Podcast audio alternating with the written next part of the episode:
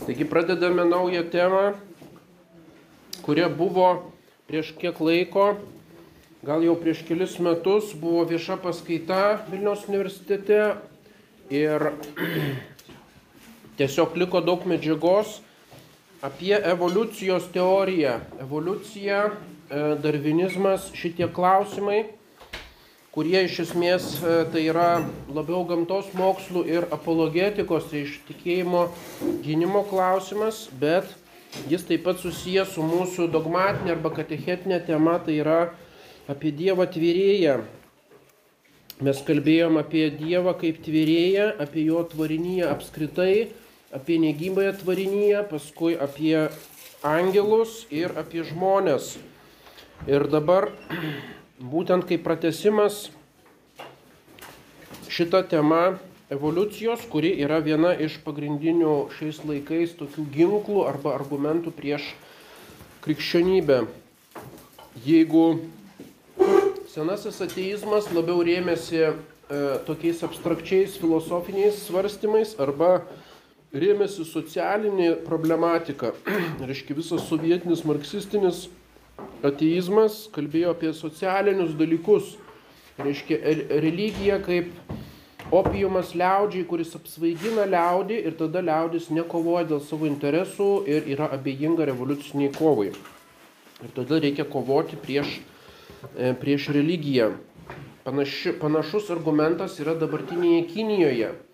Reiškia, viskas yra progresas arba ekonominis augimas, Kinijos valstybės stiprėjimas. Ir religija kaip tokia, jinai atitraukia žmonių dėmesį nuo, nuo, nuo viso šito, bet kokia religija. Ir todėl jinai yra asociali, jinai netitinka valstybės interesų. Ir todėl dabartinė Kinijos valdžia visus persikėjo ir, krikš, ir katalikus, ir protestantus, ir net budistus. Iš vis religija yra kaip neproduktyvus užsiemimas, kuris neleidžia žmonėms įsijungti į, pro, pro, produktyvę, produktyvę ekonominę veiklą, o taip pat skatina visokį minties savarankiškumą, savarankišką mąstymą, minties laisvę, o visa tai automatiškai yra pavojinga valdžiai. Ir todėl e, religija kaip tokia yra nenaudinga ir žalinga. Tai yra socialinis argumentavimas. Bet vakaruose pagrindinė argumentacijos grandinė tai būtent yra pagal evoliucionizmą. Evoliucija ir biologiniai klausimai kaip pagrindinis argumentas prieš Dievo buvimą. Čia yra Dokinso knygos ir kitų populiarių ateistų knygos, kurios promuojamos ir skatinamos kaip toks e, pop produktas, galima sakyti, populiari, populiarusis ateizmas, masinis ateizmas, kuris tikrai tūkstančių žmonių atitraukia nuo tikėjimo. Ir todėl evoliucijos klausimas yra labai aktualus šiandien, vienas iš aktualių klausimų. Sename testamente Dievas nulatos kartoja, aš esu viešpats. Jis kalba, aš esu Dievas, aš esu viešpats visur pabrėžia savo visagalybę, savo suverenų valdymą kosminėje tvarkoje. Ir štai naturalistinė tokia kosmologija arba kosmoso įsivaizdavimas padaro jį tokiu konstituciniu monarchu, tokiu, kuris tik tai kažkaip bendrais bruožais nustato kažkokius tai bendrus dėsnius ir leidžia kosmosui autonomiškai vystytis pagal nekintamus kažkokias taisyklės ir paskui niekur kitur nesikiša. Ir būtent tai yra pagrindinė mintis e, viso modernaus mąstymo apie kosmosą, iš kurio Dievas yra išvėjamas. Ir šitas šūkis aš esu viešpats yra kaip e, didžiausias priekaištas tokiam mąstymui. Ir štai iškyla pagristas klausimas, iš tikrųjų, kaip tas Dievas tvarkosi kosmose, kaip jisai visatą valdo ir ar jisai kišosi į visatos procesus ar nesikiša. E, ir čia yra du tokie graikiški žodžiai - logos ir agon. Logos tai reiškia protas arba logiškas, protingas, racionalus pagal taisyklės veikimas, kuris yra reguliarus ir nuolat laikosi tų pačių taisyklių. O agon reiškia kova, Čia iš, iš to kilo graikiškas žodis agonija, tai reiškia priešmirtinė kova. bet agon tai reiškia ir kova, tarkim, imtynininkų kažkur tai ringė, sportinė kova, taip pat karinis, karinis kovojimas tarp priešininkų, viskas yra agon. Ir čia jau nebėra tos e, matomos tokios logikos, bet yra valia ir yra e, e, individualūs sprendimai priimami. Tai štai kaip Dievas veikia, ar kaip logos, ar, ar kaip agon, kurio būdu. Vienur Dievas tveria vien savo suvereniu žodžiu. Ir tai yra logos. Graikiškame švento e, rašto vertime Dievas taria žodį, tebūnie šviesa. Ir tai yra logos. Dievo žodis, paprastas įsakymas, tai yra vidinis valios sprendimas, Dievo kūrybinės minties išėjimas į išorę. Kitur, Senajame testamente Dievas vaizduojamas kaip galinga ranka kovojantis su gaivalais, su chaosu, su kažkokiamis chaoso jėgomis. Ir tai yra agon. Dievas kaip karys, kaip kareivijų sabaot viešpats, kaip tas, kuris e, kalaviju nugali, kaip tas, kuris baudžia, kuris pyksta ir kuris džiaugiasi, kuris reiškia savo jausmus. Reiškia, tai nėra vien tik tai šaltas protas loginis, bet yra racionalus, e, e, bet reiškia yra valios išreiškimas ir netgi jausmų išreiškimas. Ir toksai Dievas jėga tramdo chaotiškas pirmapradės jėgas arba tas e, chaosą atstovaujančius atskirus gyvūnus arba atskirus žmonės arba ištisas tautas, kurios pasiduoda tam chaosui. Aišku, kad tikrasis pasaulio tvėrimo ir pirmapradžio formavimo darbas vykdomas logos būdu. Reiškia, iš tikrųjų viskas prasideda nuo žodžio. Pradžioje buvo žodis ir tas žodis tveria, įveda logišką E, harmoningą tvarką į kosmosą. Ir todėl visą visatą vadiname šito graikiškų žodžių kosmos. Kosmosas tai susijęs su žodžiu kosmetika, reiškia puošti. Tai, kas papuošia. E, kosmosas yra visata kaip papuoštas, išpuoštas, e, harmoningai dekoruotas dalykas, meno kūrinys. O agon būdas atsiranda vėliau įveikiant prasiveržusias gamtinio chaoso galias, kai jos kaip fizinis blogis grėsia žmonėms. Reiškia, Dievas sutramdo liūtį, sutramdo vandens, reiškia, chaoso galias, jūros galę, audras, žaibus, sausrą, ligas, skėrius, kurie mm, kenkia derliui ir taip toliau. Ir ypač sutramdo moralinį chaosą, tai yra nuodėmė ir tos nuodėmės tarnus. Tai yra velnė, tai yra nusidėlius ir pagonių tautas. Ir visas Senasis testamentas pilnas tos agon, reiškia Dievo kovos prieš įvairiausias gentis.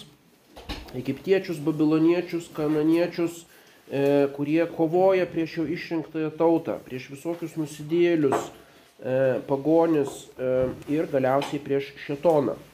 Tai yra išganimo aspektas. Reiškia, galima sakyti, visas išganimo darbas yra labiau agon. Reiškia, tvėrimo darbas yra pirmiausia logos, tvarkingas tvėrimas, o išganimas yra pilnas dramatizmo. Jėzus Kristus dramatiškai ateina į šitą žemę, gimsta. Čia mes nematom kažkokios apskaičiuotos logikos ir dėsnių, o čia yra tiesiog Dievo suverenų sprendimai. Ir paskui visa drama jo kančios, kryžiaus, tai yra tiesiog dramatiškas kovos elementas. Jėzus Kristus, kuris tramdo audringas jūros bangas iš tos valtelės, tai yra tiesiog agon kaip pagrindinis simbolis.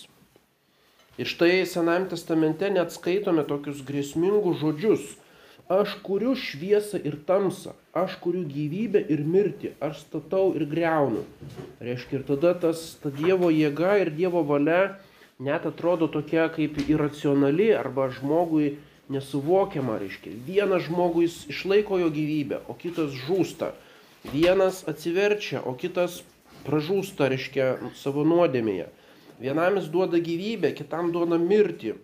Reiškia, vieną Abraomo sūnų, reiškia, Izaoką palaimina, e, iškelia prieš tą prigimtinę e, paveldimumo tvarką, o kitą Izavą, reiškia, nusmugdo. E, vienam duoda išvadavimą, kitą ištremi į tremtį.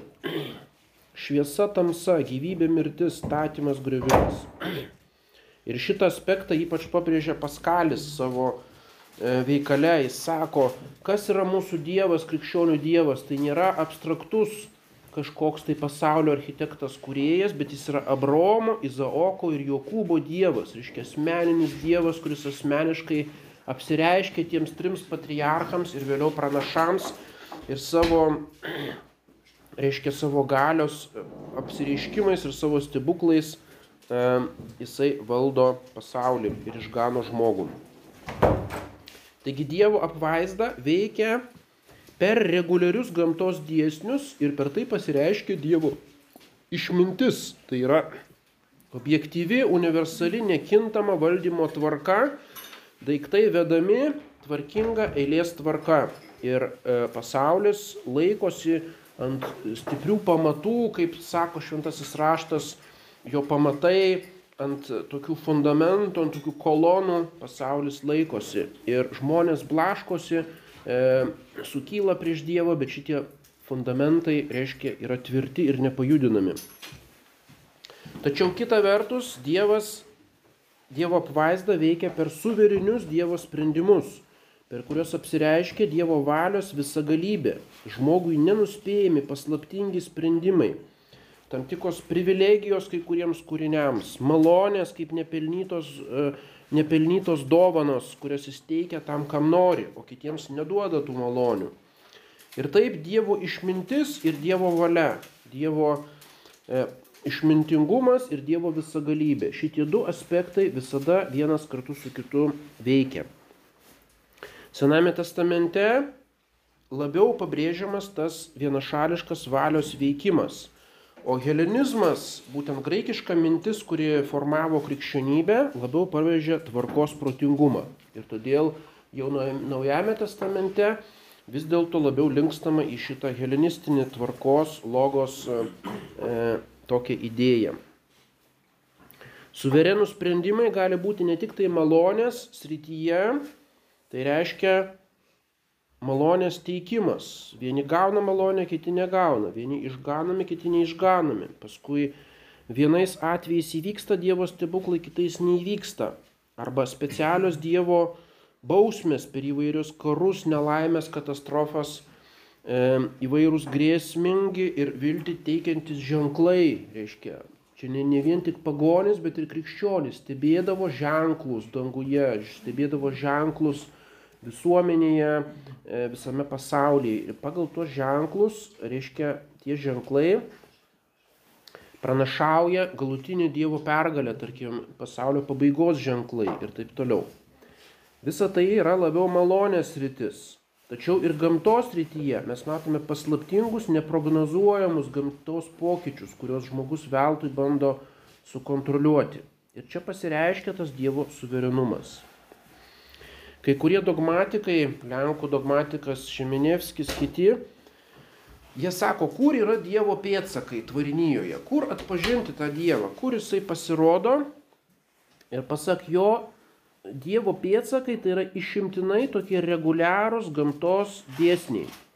Ir tada jis cituoja bažnyčios tėvus, kurie pabrėžia netgi gamtos matematiškumą, geometriškumą, kad viskas vyksta pagal tam tikrus geometrinius dėsnius ir tai yra tvarkančio proto pėtsakas ir būtent tas geometriškumas ir reguliarumas yra kaip Dievo pėtsakas. Tačiau atrodo, kad tai vienašališkas požiūris. Pėtsakas yra lyg šešėlis lyginant su paveikslu arba atvaizdu, kuris yra žmogaus dvasinė siela. Tai reiškia, kad ten Saulė ar Menulis reguliariai sukosi, tai čia yra labai labai menkas tasai pėtsakas, tai yra tik tai šešėlis. O Dievo atvaizdas yra žmogaus dvasinė siela. Tai reiškia analogiškai ryškiausi Dievo pėtsakai yra sielos, gyvūnuose, augaluose, įvairūs gyviai, visa ta organika, kuri veikia nuostabiai tikslingai, tačiau visiškai nematematiškai ir negeometriškai. Organinės formos retai turi geometrinį pavydalą, kuriuo būtent bažnyčios tėvai, sekdami tais e, graikų filosofais, ypač žavėdavosi. Gyviai netgi visokie aštonkoji ir medūzos labai nereguliarių formų. Tai yra tokios įspūdingos substancijos, kurios tiesiog atrodo prieš bet kokią logiką, reiškia kažkur tai išliaužia ir nuostabiai suranda tą savo maistą ir reiškia tie visi gyvybiniai procesai, cheminiai, kur niekaip tu jų neapskaičiuosi ir neišmatuosi ir geometriškai neapibrieši. Ir būtent tai yra svarbiausias Dievo pėtsakas. Būtent šitos gyvos, judrios žmogui nesuvokiamos substancijos, reiškia jų savitiksliškumas. Kažkokia, reiškia, žiūrim, kažkoks vikšras, reiškia, kaip jis nirtingai ropoja, kaip jisai suranda ką ėsti, sugraužia lapą, paskui vyksta metamorfozė, reiškia, virsta lėliukė, kuri visiškai nepanašyta vikšrą.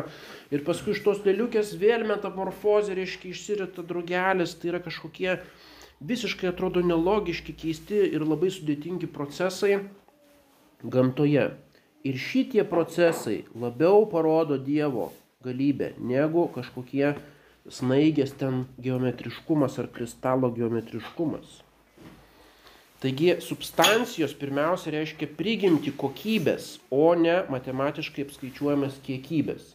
Žmogaus protui visą laiką kiekybė yra daug labiau suvokiama negu kokybė. Ir todėl e, tie pitagorininkai ir paskui platonistai labai mėgo matematiką, geometriją ir visus tuos kiekybinius dalykus. Tada viską gali gražiai suskaičiuoti ir tada Platonas, reiškia, e, kokios žinomos tos tobulos figūros, kurių visos kraštinės vienodo ilgio. Nu ir nustato, yra piramidė, paskui yra kubas, paskui kaip ten tas tetraedras, heksaedrai ir ten tie visi kiti.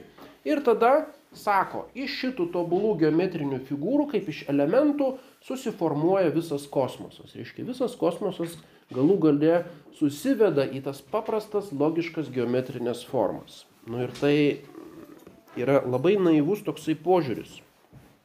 Dievo pėtsakas pats įspūdingiausias yra visiškai ne tos geometrinės formos, o būtent gyvos sielos, gyvos būtybės, o ypač žmogus su savo siela. Buvo toksai anglikonų dvasininkas 18 amžiui, Hewell, kuris, galima sakyti, yra natūraliosios teologijos pagrindinis atstovas ir jo toksai veikalas Astronomy and General Physics, considered with the reference to natural theology. Reiškia, jisai tą 19 amžiaus pradžios astronominės ir bendrosios fizikos dalykus susijėjo su natūraliaja teologija. Natūralioji teologija tai ta, kuri remiasi žmogaus protų, ką mes galim pasakyti apie Dievą. Ir būtent šitą Huvelą cituoja Darvinas. Pagrindinė idėja yra, kad gamtoje veikia ne Dievo kažkokios intervencijos, o bendri dėsniai. Tas Huvelas buvo įtakotas Anglijoje viešpatavusio jau nuo 17 amžiaus deizmo kuris sako, kad būtent Dievas sutvėrė pasaulį ir paskui nesikiša ir visas pasaulis kaip toks laikrodis sukasi be ypatingų Dievo intervencijų, reiškia, jis pabrėžia tą dėsnių e, aspektą, kad gamtoje veikia bendri dėsniai. Ir tada viskas mums susidėlioja gražiai. Reiškia, Juvelas buvo anglas, britai, o britai kuo labiausiai didžiuojasi savo, reiškia, šitą konstitucinę monarchiją, kuri nėra absoliutinė monarchija kaip kontinente, kur valdovas, reiškia, viską valdo pagal savo sprendimą, bet yra konstitucija, yra kažkokios objektyvios taisyklės ir pati karalienė ar karalius privalo laikytis tos konstitucijos. Reiškia, šita monarchija yra ribota. Ribota ne kažkokio parlamento, bet universalių logiškų įstatymų. Reiškia, ne valdovo kažkokis įgeidis ir jisai suteikia privilegiją ir tada kažkas, tarkim, nemoka mokesčių. Bet ne, yra įstatymai ir pagal tos įstatymus veikia ir valdovas negali iš tų, iš tų įstatymų e, juos peržengti savo savavališkais sprendimais. Nu tai tada logiška. Projektuojama toksai konstitucinis mąstymas į Dievą. Dievas irgi yra toksai kaip Britų konstitucinis monarchas, kuris nustato dėsnius, logiškus, tvarkingus, protingus dėsnius ir paskui jų nelaužo ir neįveda kažkokios netvarkos. Tačiau matome, kad dauguma gamtos dėsnių veikia tik tai tam tikroje tikrovės srityje, tam tikroje dydžio skalėje. Tai yra griežti matematiškai aprašomi dėsniai, bet jie yra apriboti. Tarkim, relativumo teorija, gravitacija veikia kosminėje skalėje.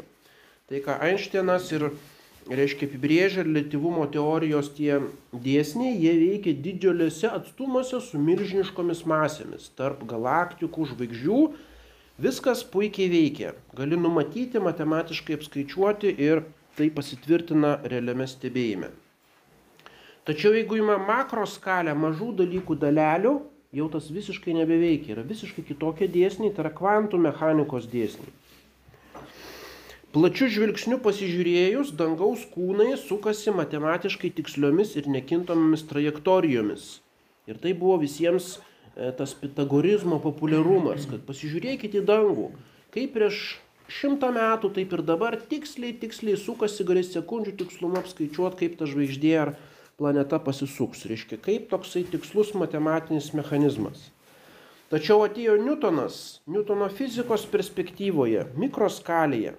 Pasirodo, kad visas tas kosmosas yra ganėtinai chaotiška sistema. Visi kūnai traukia vieni kitus ir iškraipo tas visas orbitas. Ir nei viena orbita nėra tiksliai ovalinė arba apvali. Smulkus kūnai ir dulkės sukelia įvairią trinti didesniems kūnams, mažina jų greitį.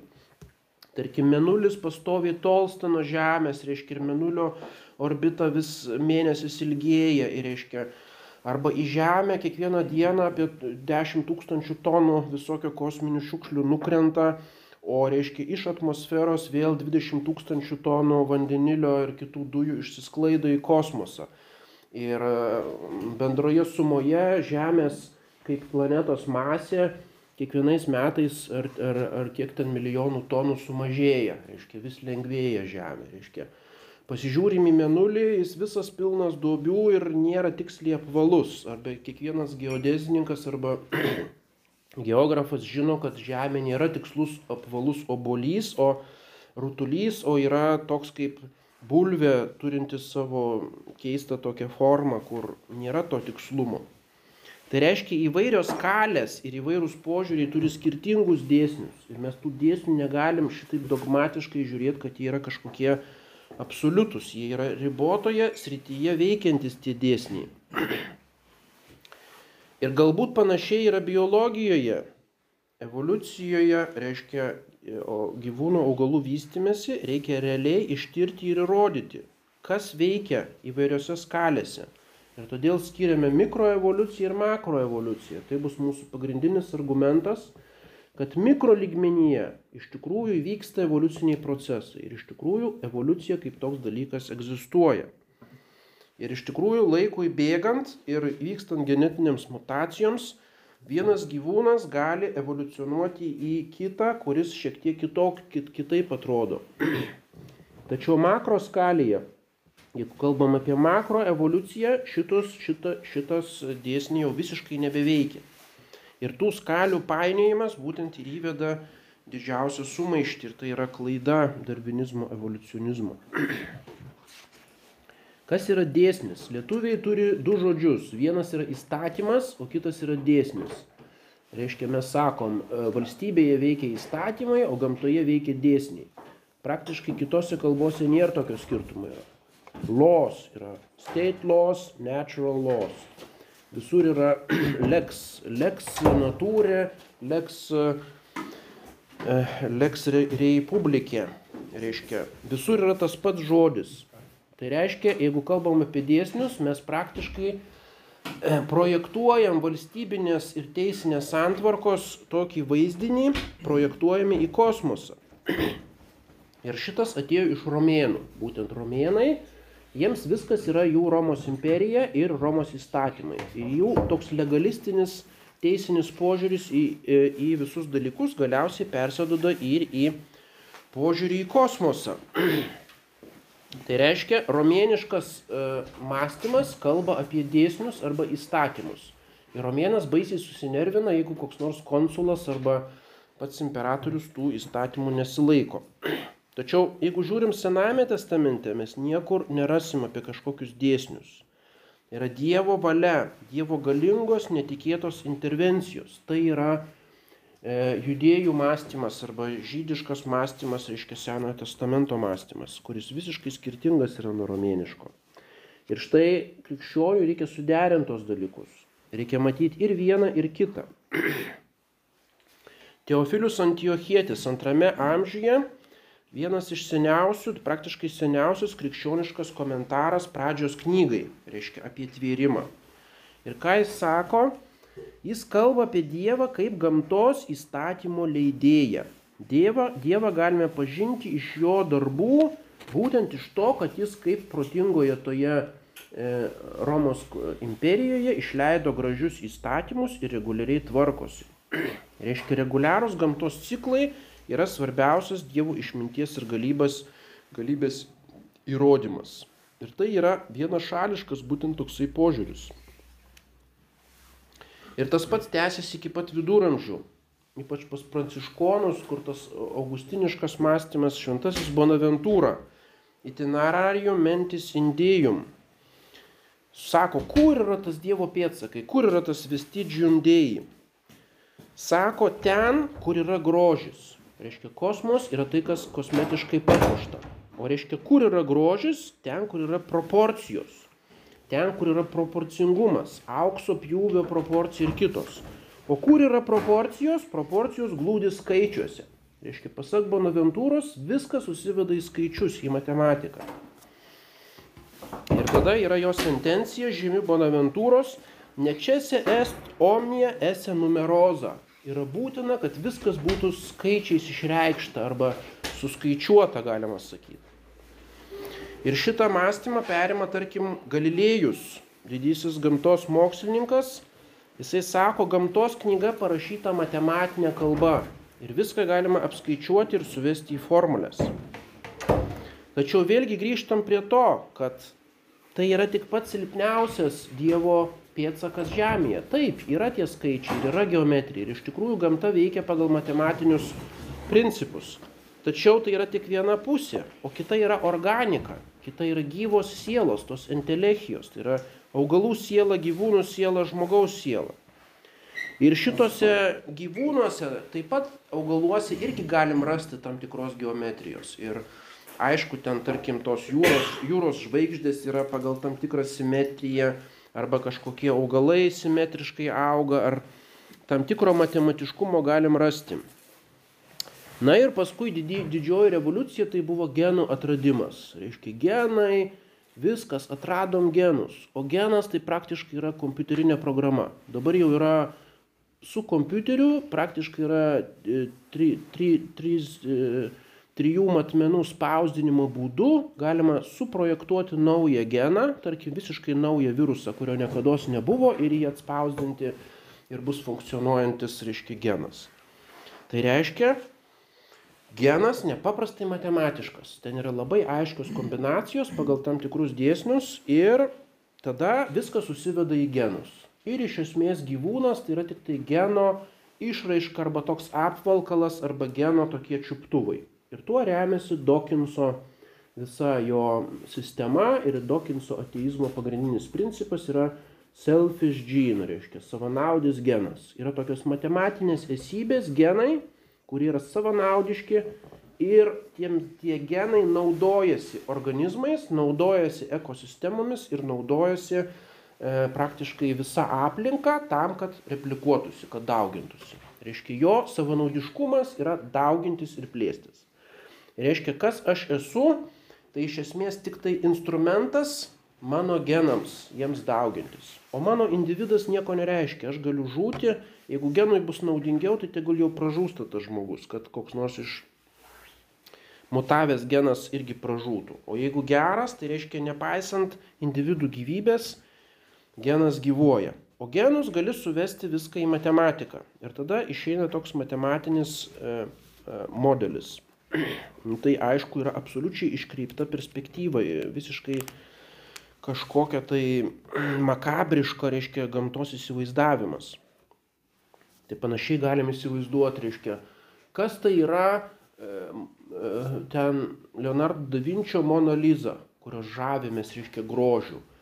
Tai yra vis dėlto cheminės dalelės dažų. Ir svarbiausia yra tos dalelės, jas visas galima apskaičiuoti ir suskaičiuoti ir išmatuoti Ir tos dalelės valdo tą visą paveikslą. Ir tų dalelių kombinacija vat ir išeina Mona Lisa. Nu, tai, tai kažkoks visai keista perspektyva tokia, kuri e, tai, kas tarnauja visumai, tai entelechijai substancijai, paverčia esminiu dalyku. Kas yra genai? Yra žmoguje genai, bet tie genai yra tik tai vienas iš jo lastelės organelės tokia, toks elementas, kuris yra labai svarbus dauginimuisi, bet jis tarnauja visumai, jis tarnauja tai substancijai, reiškia gyvai būtybei, kad jinai galėtų daugintis. Tam ir yra genai. Jie turi savo funkciją, bet nereikia iš genų paversti kaip Dievo, kuris viską valdo.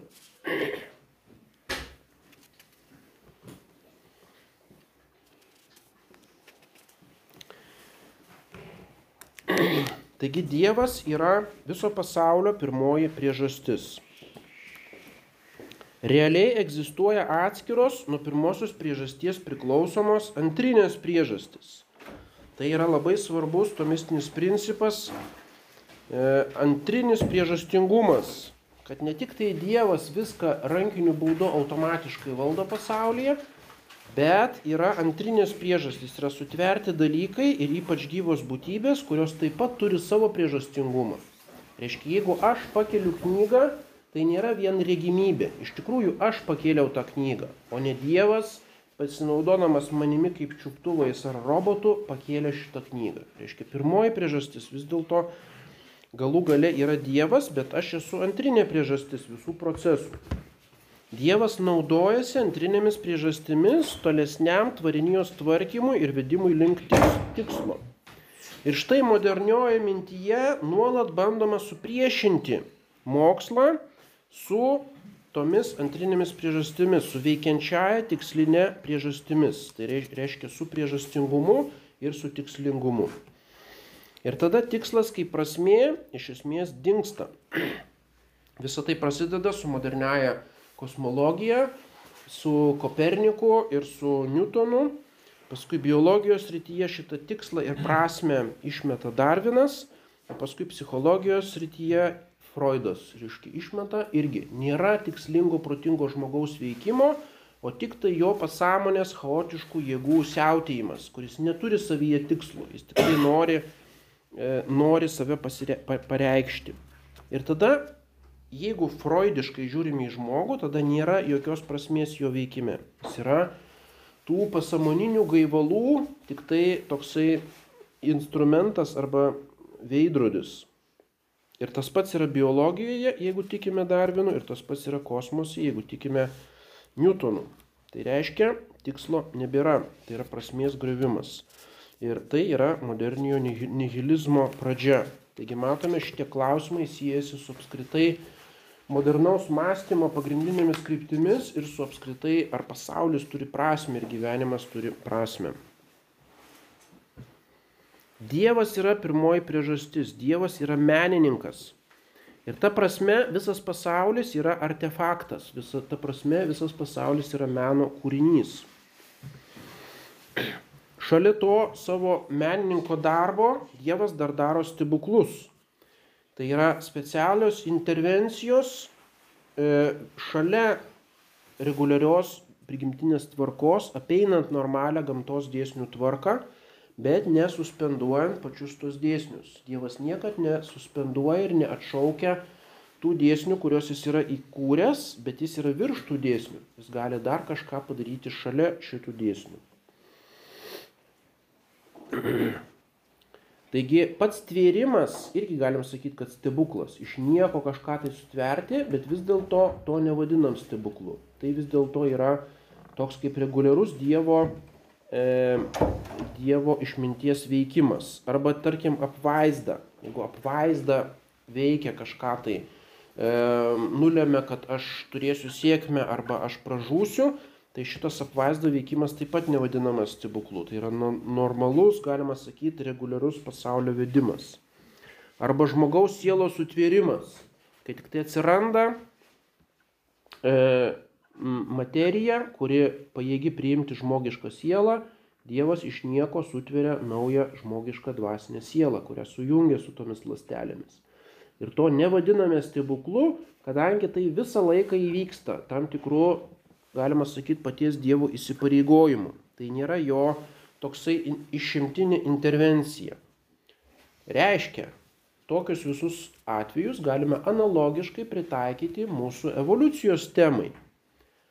Na, naujų e, e, genčių arba naujų biologinių apskritai struktūrų atsiradimas ir yra tokia Dievo intervencija. Tai reiškia, Dievo intervencija nėra būtinai stebuklas, bet ji priklauso gamtos tvarkai. Reiškia, pats Dievas, galima sakyti, taip gamtą sutvėrė, kad jisai tas intervencijas daro.